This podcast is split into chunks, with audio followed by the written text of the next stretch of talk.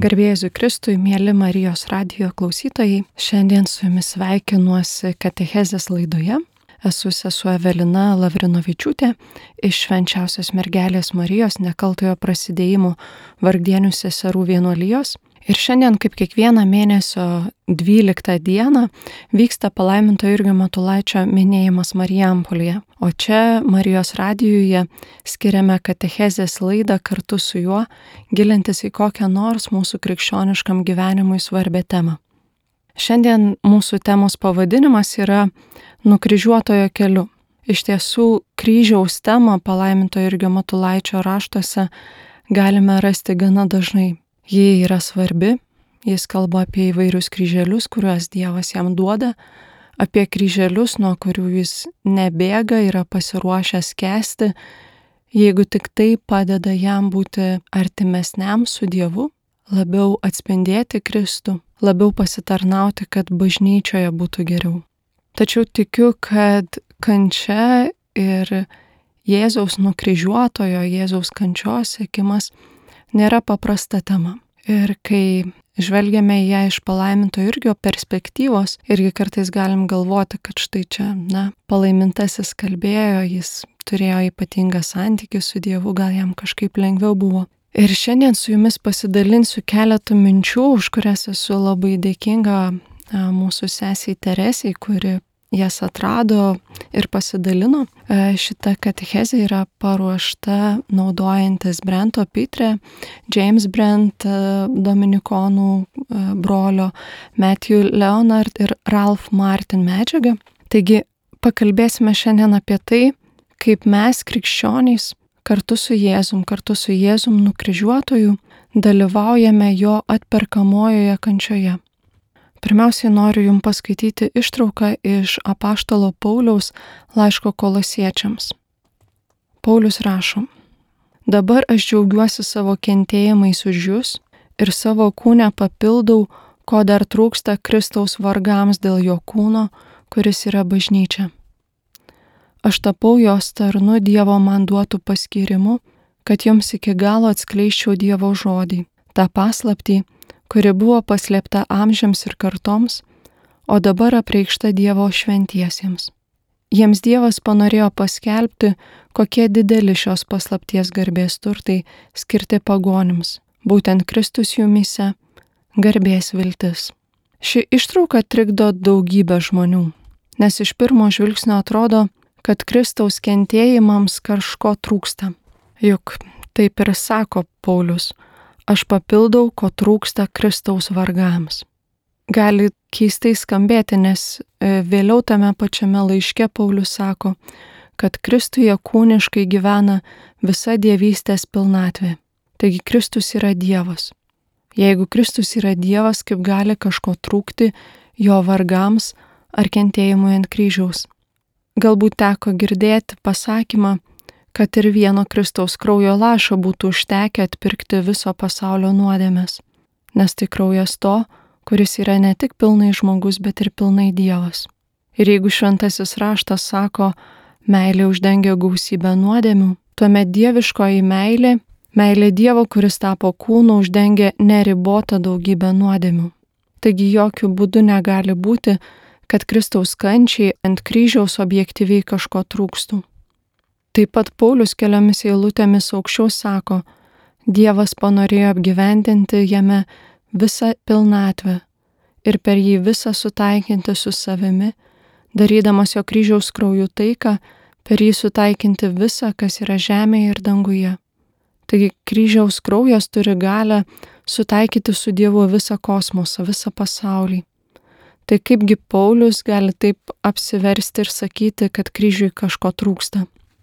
Atsakymą galime rasti pakeitę šiek tiek perspektyvą. Galime atpažinti, kad yra skirtumas tarp objektyvios kryžiaus tikrovės ir mūsų subjektyvaus dalyvavimo Kristaus kančioje. Viena vertus, kalbant objektyviai, Kristaus kentėjimams ant kryžiaus nieko netrūksta, nes jis Dievas, jo kryžiaus krauju visa buvo sutaikinta su Dievu. Taigi objektyviai tikrai nieko netrūksta. Tačiau Paulius čia kalba apie kryžių ne objektyviai. Paulius kalba apie savo asmeninį, subjektyvų dalyvavimą kentėjimuose, kuriuos patyrė Kristus. Ir ta prasme yra vienas dalykas, kurio trūksta Kristaus kryžiaus, o būtent mano dalyvavimo kryžiuje. Kad aš daryčiau tai, ką Kristus sakė savo mokiniams Evangelijose pagal Matą ir Luką. Imkite savo kryžių ir sekite manimi. Būtent apie tai čia kalba Paulius. Galime pažvelgti į kontekstą. Ar Paulius čia kalba apie kalvariją ar apie bažnyčios slėpinį? Aš džiaugiuosi savo kentėjimais. Štai pirma užuomina. Jis kalba apie savo asmeninius, subjektyvius kentėjimus.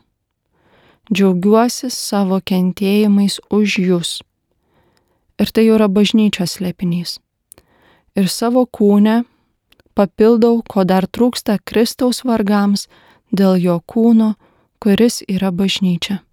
Taigi Paulius nesako, kad kažko trūksta Kristaus kančiai, kurią jis kentėjo Kalvarijoje didįjį penktadienį. Jis sako, kad Kristus negalvojo, jog ta atperkamoji kančia, kuri prasidėjo didįjį penktadienį Kalvarijoje, galutinai pasibaigs. Iš tiesų mes galim prisiminti ne vieną Evangelijos eilutę, ne vieną kartą, kai Jėzus kalba apie tai, kad ir jo mokiniai bus ten, kur ir jis, kad jo mokiniai turi imti kryžių ir sekti paskui jį, kad tai, kas bus jam, bus ir tiems, kas jį seka.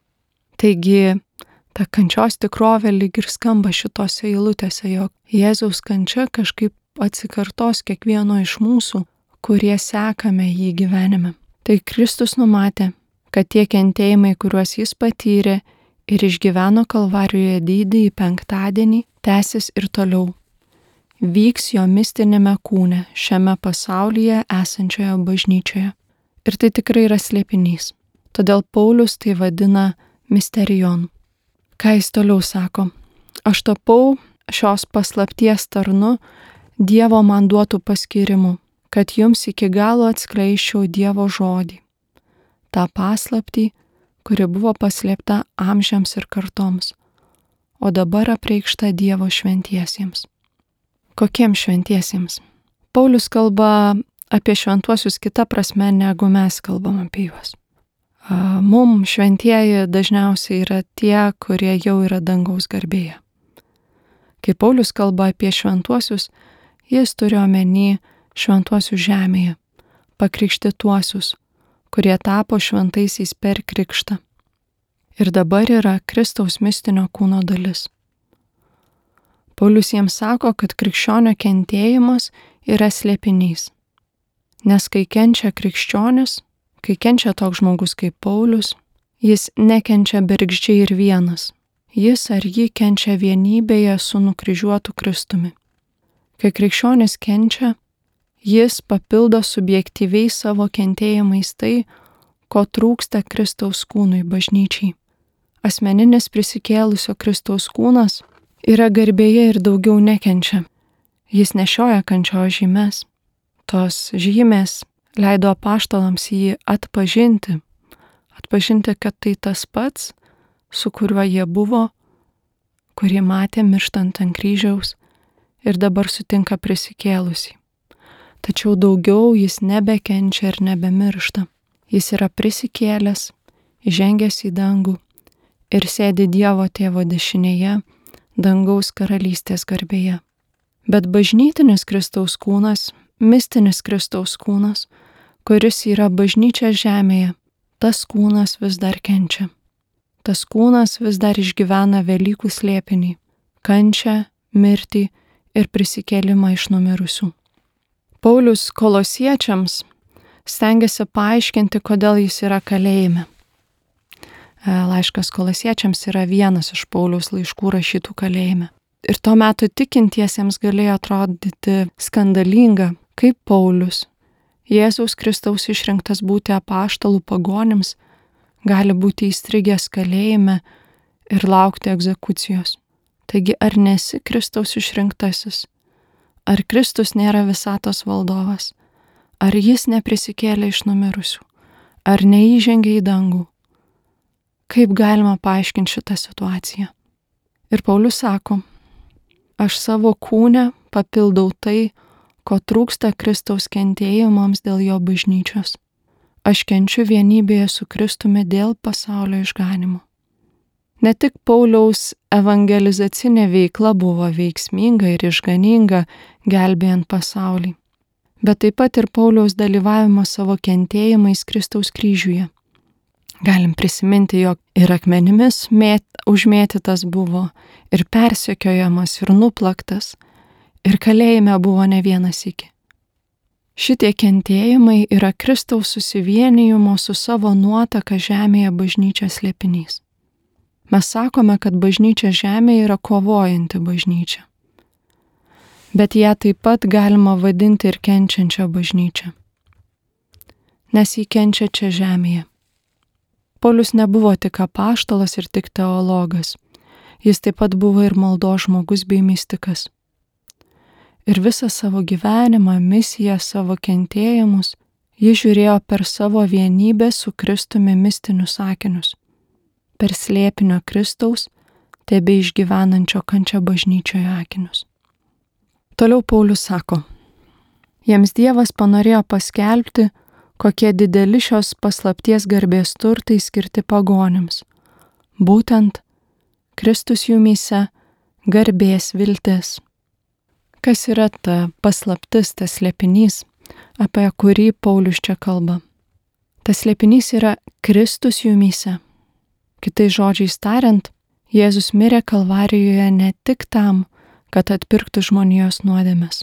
Jis mirė tam, kad galėtų būti vienybėje su savo bažnyčia, kad galėtų susivienyti su nuotaka, kad galėtų susivienyti su kiekvienu iš mūsų ir ne tik susivienyti, bet iš tiesų gyventi kiekviename iš mūsų.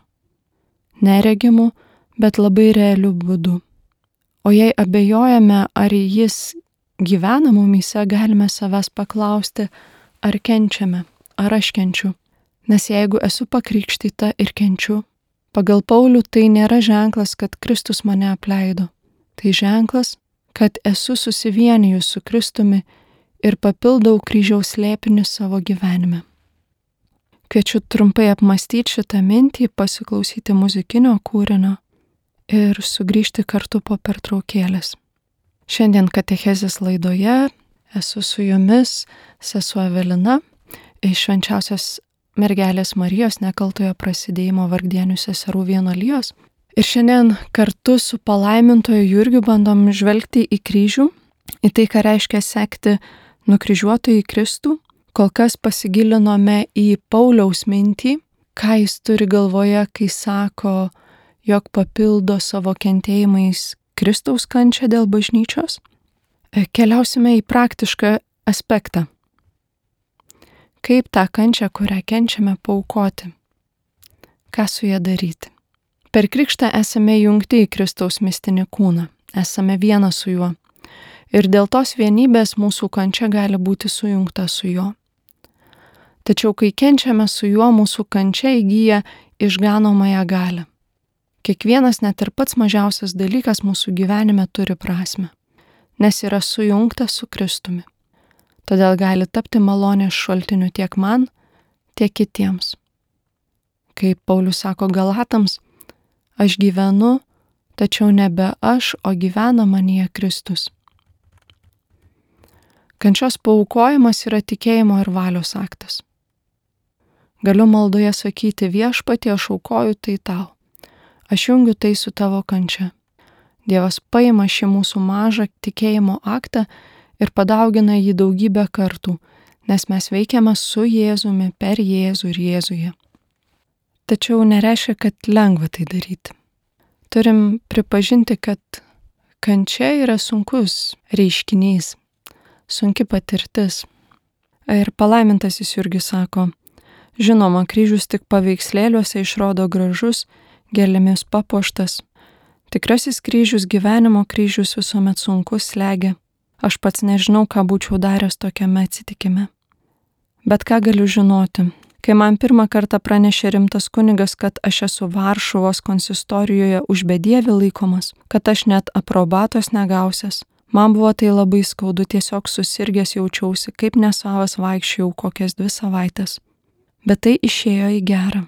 Ne, čia palaimintasis Jurgis minė vieną savo gyvenimo laikotarpį, įvykį vieną savo gyvenimo, kai tikrai išgyveno didelę tamsą dėl atstumimo bažnyčioje, ten, kur labai stengiasi ir atrodo visos jo pastangos buvo priimtos kaip blogis.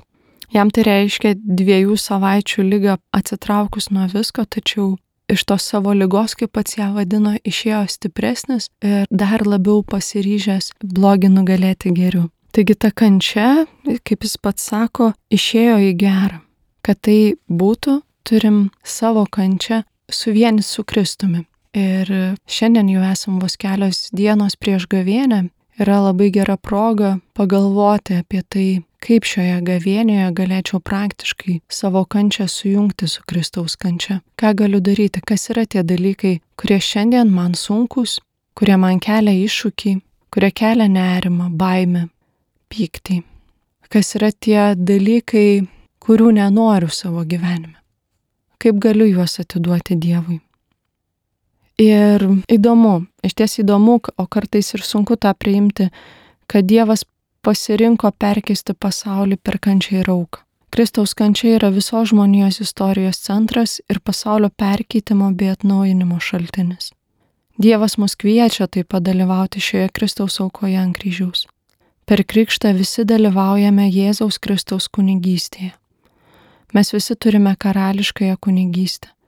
Visi pakrikštytieji gali įžengti į Kristaus auką ir ją aukoti. Ne tokiu būdu, kaip tarnaujantys kunigai aukojant altoriaus, bet aukodami kasdienio gyvenimo sunkumus. Tačiau yra ryšys tarp to kasdienio gyvenimo sunkumų bei jų aukojimo ir kunigo aukojamos aukos ant altoriaus per mišes. Dominikonas Džeimsas Brentas pasakoja savo patirtį kaip ligoninės kapeliono ir kviečiu to klausyti, galvojant apie savo sunkumus ir jeigu padės pasinaudoti šiuo patarimu, kurį girdime skambant jo pasakojime. Taigi, Dominikonas Džeimsas Brentas pasakoja, aš tarnauju ligoninėje ir kai įeinu į ligonio palatą, suteikti ligonio sakramentą, nunešti komuniją ir išklausyti iš pažinties, Dažnai sutinku žmonės, kurie jau ilgą laiką kenčia. Kai žmonės stipriai kenčia, vienintelis dalykas, apie kurį jie gali galvoti, yra jų kūnas ir skausmas esantis jų kūne. Aš stengiuosi jiems pasakyti, kad laikas, praleistas ligoninėje, nėra bergždžias. Aš jiems sakau, jūs daug kartų buvote mišiuose, žinote, kaip mišių metu ant altoriaus padedami duona ir vynas. Tuomet kuningas paima duoną į rankas ir sako, Tai yra mano kūnas, kuris už jūs atiduodamas. Tuomet jis paima ostiją, kuri jau yra perkeista į Kristaus kūną, iškelia ją, pakilėja ir aukoja tėvui. Žmogus dažniausiai sako, taip, žinau, apie ką kalbat. Taigi, tam žmogui toliau sakau, jog štai ši ligoninės lova, kurioje jis guli, yra altorius, o jūs esate pakrikštytas katalikas. Vadinasi, esate Kristaus mistinio kūno narys. Tai reiškia, kad labai realiu būdu, ant gamtinių, mistinių, bet realiu būdu jūsų kūnas yra Kristaus kūnas. Ir kiekvieną minutę, kai gulite šioje lovoje, Jėzus Kristus, kuris yra aukščiausiasis kunigas, yra jumise. Jis paima jūs ir jūsų kūną į savo rankas ir sako, tai yra mano kūnas, kuris atiduodamas. Jis iškelia jūs ir jūsų gyvenimą ir aukoja jūs, jūsų gyvenimą, jūsų kančią tėvui. Kunigas per kiekvienas mišes, kiekvienas mišes aukoja kokią nors intenciją. Jis gali aukoti mišes už bet ką. Už skaistykloje esančius, už nutolusius nuo Kristaus ir bažnyčios, už nuodėmėje įstrigusius. Jis gali aukoti bet kokią intenciją, kurią žmonės jo prašo. Jis paima Kristaus aukos kalvarijoje nuopelnų vaisius ir panaudoja juos už tą žmogų ar tą intenciją. Ir žinome, kad tai turi didelį poveikį žmonių, už kuriuos buvo aukotos mišos gyvenimui. Panašiai jūs galite paimti šią kančią, su kuria dabar sutinkate savo širdyje ir maldoje sakydami, tai mano kūnas, kuris už jūs atiduodamas. Jūs jungiate su Kristumi tame akte, kuriuo jis jūs aukoja kaip ostį ant altoriaus. Ir jūs galite tai paukoti kokią nors intenciją, kas te guli jums ant širdies. Ir kai galvojate apie viso pasaulio blogį ir kančią, matote, kad galite už daug ką paukoti. Tuo metu pats Kristus paima jūs ir aukoja jūsų kančią ir sunkumus tėvui, o tėvas atsakydamas į šią maldą išlieja šventąją dvasę žmonėms, už kuriuos jūs aukojatės. Ir tai turi poveikį. Kaip katalikai tikime, kad tai yra pagrindinis būdas perkeisti pasaulį. Pati kančia savaime nėra gėris. Jos neturėjo būti. Jos nebuvo pirminėme Dievo plane. Jie atsirado dėl mūsų maišto prieš Dievą. Mes patiriame Adomo ir Jėvos maišto pasiekmes. Nereikia kančios specialiai ieškoti, bet ji pati ateina. Ir tada mes galime iš to padaryti kažką gero kartu su Kristumi. Ir tai blogis, mūsų paukotas, dėl Kristaus kančios nuopelnų tampa išgelbėjimo įrankiu. Pasaulis perkeičiamas per auką. Ir kiekvienas mes, pakrikštyti, esam pašaukti aktyviai jungti su Jėzumi, aukojantis už pasaulio gyvybę. Palaimintasis Jurgis visą tai labai praktiškai išgyveno savo gyvenime. Jeigu skaitysime jo užrašus, rasime daug vietų, daug momentų. O kai pagalvojom, kad visą gyvenimą jis kentė ir fizinę kančią. Nuo vaikystės kentėjo dėl kaulų džiovos, visada turėjo nešioti kojos ir rankos įtvarą. Beveik mirė dėl, dėl šių lygų. Tai nuolat aukojama kančia ir tokie atlikti darbai kalba apie tai, jog ta kančia buvo perkeista į malonę per Kristaus kryžių. Ir Noriu pabaigti vieną ištrauką iš palaiminto Irga Matulaičio užrašų ir tikrai kviečiu taip padaryti nedidelę savo kančių reviziją, atrasti tuos kryželius, kuriuos Jėzus kviečia perkeisti, perkeisti jo galybę, pelnyti iš to gėrį, pelnyti iš to malonę. Paimtas Jurgis sako, dėkui tau geriausias viešpatė už kryželius Čia mane plak, čia mane bausk. Tik nestunk nuo savęs. Tik atleisk man mano jaunų dienų kvailybės ir mano pereito gyvenimo kaltybės. Tu esi didelio pasigailėjimo Dievas. Pažvelg tad savo gailestingomis akimis į mane ir dovanok man visą, kuo esu prieš tave nusidėjęs. Viešpatie, tu matai mano širdį, tu regi, kad aš tave myliu ir kas kart labiau mylėti trokštų. Eiti paskui nukryžiuotą, nukryžiuotą į Kristų arba eiti jo keliu, kur jisai neša kryžių, aukoti savo kančias, savo sunkumus. Tai nėra vien atgailos aktas, tai nėra vien atsiteisimo aktas. Kai žvelgiam į šią palaimintą ir Gamatolaičio užrašų ištrauką, galime matyti, jog tai pirmiausiai yra meilės auka. Tu regi, kad aš tave myliu ir kas kart labiau mylėti trokštų. Linkiu atpažinti Jėzaus kryžiuje mums dovanotą meilę ir melstį savo malonės, priimant Dievo meilę, su ta meilė aukoti savo sunkumus, kad jie pasitarnautų šio pasaulio perkeitimui. Su jumis buvo sesuo Evelina Lavrinovičiūtė iš švenčiausios mergelės Marijos nekaltojo prasidėjimo vargdienių seserų vienolyjos. Šią mėnesio 12 dieną Marijampolėje minime palaimintą Jurgį Matulaitį. Meldžiamės, kad jis būtų paskelbtas šventuoju. Tam reikia stebuklo.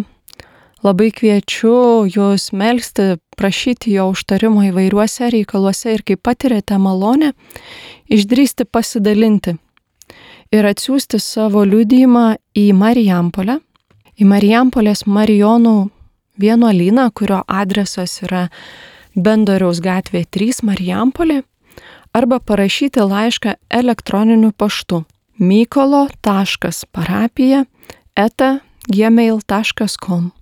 Labai laukiame jūsų liudijimų ir jūsų maldos. Esu sesuo Evelina Lavrinovičiūtė iš švenčiausios mergelės Marijos nekaltojo prasidėjimo vargdienių seserų vienuolijos. Pasitikėkime šventųjų užtarimu, paveskime jų globą į mūsų gavienios laiką. Garbė Jėzui Kristui.